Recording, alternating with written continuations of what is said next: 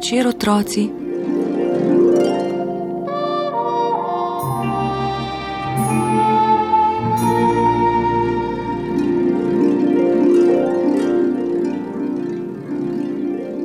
Lona je odšla na počitnice na deželo, k teti Mariči.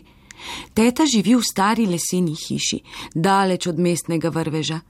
Pa vendar je njeno življenje lepo, zadovoljno in celo zanimivo. Stanuje v skrivnostni hiši ob velikem jezeru. O njem vedo povedati marsikaj, cele zgodbe so se spletle.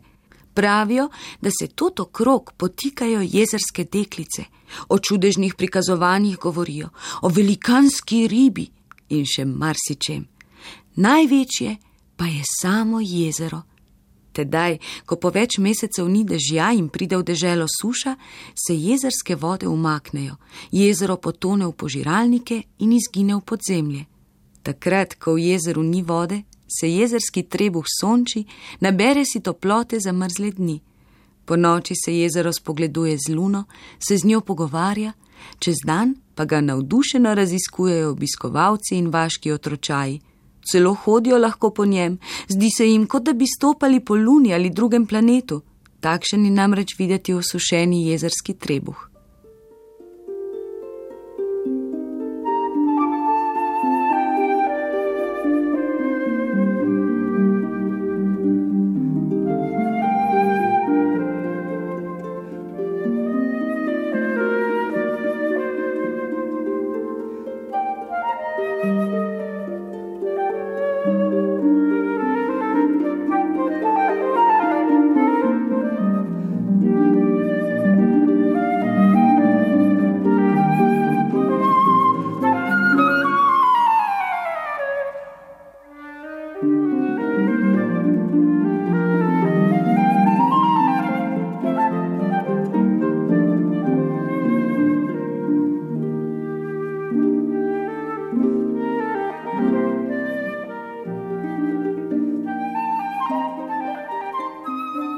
Tetica, je ljubkovalno rekla Lona.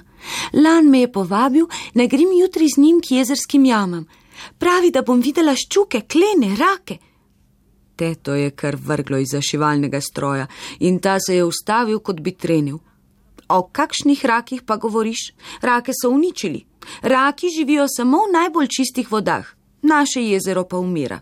Zastrupili smo ga ljudje z odpadki, ki jih v tovarnah spuščajo v zemljo, potem pa pridajo v jezero. Ne, ne, sej, sej ni rakov. Lan mi je rekel, da so raki nekoč bili. Rekel mi je še, da ve za skrivnosti jezerskih jam.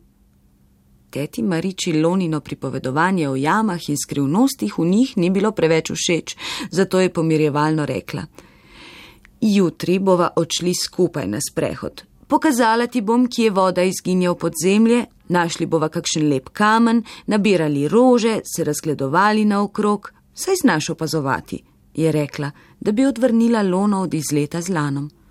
Teta Mariča, Lanu sem obljubila, da bom šla z njim opazovati ribe. Ti me še posebno zanimajo, saj veš, da sem po horoskopu riba, Lan je pa oven, je pribila Lona.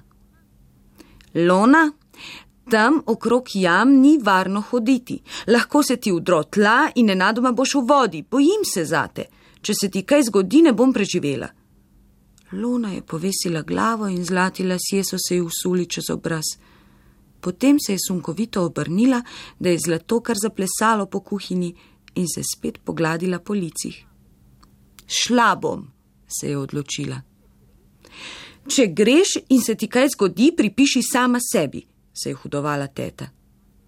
Torej grem, zmagala sem, si je prišepnila Lona. thank you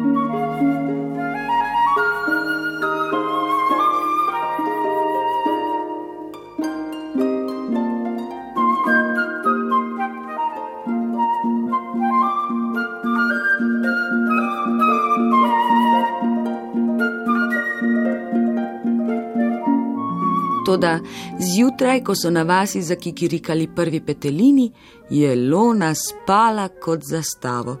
Prikazalo se je sonce in posijalo prav na njeno posteljo skozi okno v podstrešni izbi. Deklica se je za trenutek prebudila, se obrnila in spet zaspala. Po svoji uhojeni poti pa je tako kot prejšnji dan na vse zgodaj prikorakal sosedov fantič. Še preden se je približal hiši, se je sklonil in stekel do hodnih vrat. Pritajeno je pritisnil uho na vrata in poslušal, kaj se dogaja. Slišal je pogovor in mislil, da sta Lona in teta že ostali. Potrkal je in vstopil. Kdo pa je tako zgoden? se je iz kuhinje oglasila teta. Lone pa nikjer. Glasovi, ki so ga privabili, so prihajali iz radia. Uh, jaz sem Lan, je polglasno opozoril nas fantič in nadaljeval. Po Lono sem prišel, popeljal jo bom k jamam, da bo spoznala skrivnosti. Lona še spi, je odgovorila teta Mariča. Kaj v mestu samo spijo? se je čudil Lan. Na šata so šli že na vse zgodaj v gost, mama po nakupih v trgovino, Boris pa k sosedu, traktor jim nekaj nagaja, znova bomo potrebovali denar. Življenje na deželi ni zmeraj tako lepo, kot ga slikajo ljudje v mestu. Lonina teta je poslušala in prikimavala. Ampak naše vasi, jezera in gozda ne bi zamenjal za še tako lepo mesto, je ponosno rekel Lan. Sonce in pogovor v kuhinji sta Lono prebudila. Skočila je iz postelje in stekla po stopnicah. Teta, si sama, je zaklicala. Ne, ne, lan te čaka. Rad bi te peljal k jamam, da boš videla skrivnosti, je odgovorila teta. Joj, takoj bom, samo umijem se in greva, je zaklicala Luna. Kar počasi, otrok, najprej se umisi, počešila se in pozatrkuj, šele potem smeta od tot. Luna je bila vesela, da ji teta ni delala težav in da bo lahko odšla z lanom. Hitro se je umila, si z glavnikom vihravo počesala dolge lase ter pojedla jajce in kos kruha. Za popotnico je vzela jabolki. Ko jo je lan zagledal tako urejeno in z jabolkoma v rokah, je v zadregi odrecitiral staro modrost. Jabolko je zjutraj srebro, opoldan zlato, zvečer pa železo. In dodal: Jaz imam pa dve hruški, Hruška je buška, je hitro zrimala Lona in se glasno zasmejala. Teta Mariča je prav tedaj pila kavo in malo je manjkalo, da ni bruhnila v smeh. Lan, se boš pazil na mojo Lono, da se ji kaj ne zgodi.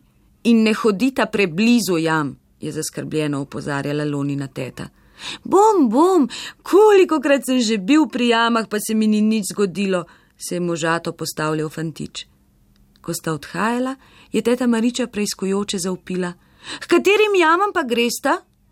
K tistim pri treh brezah, je še vtegnil zaupiti lan, v mislih pa je bil že čisto drugje.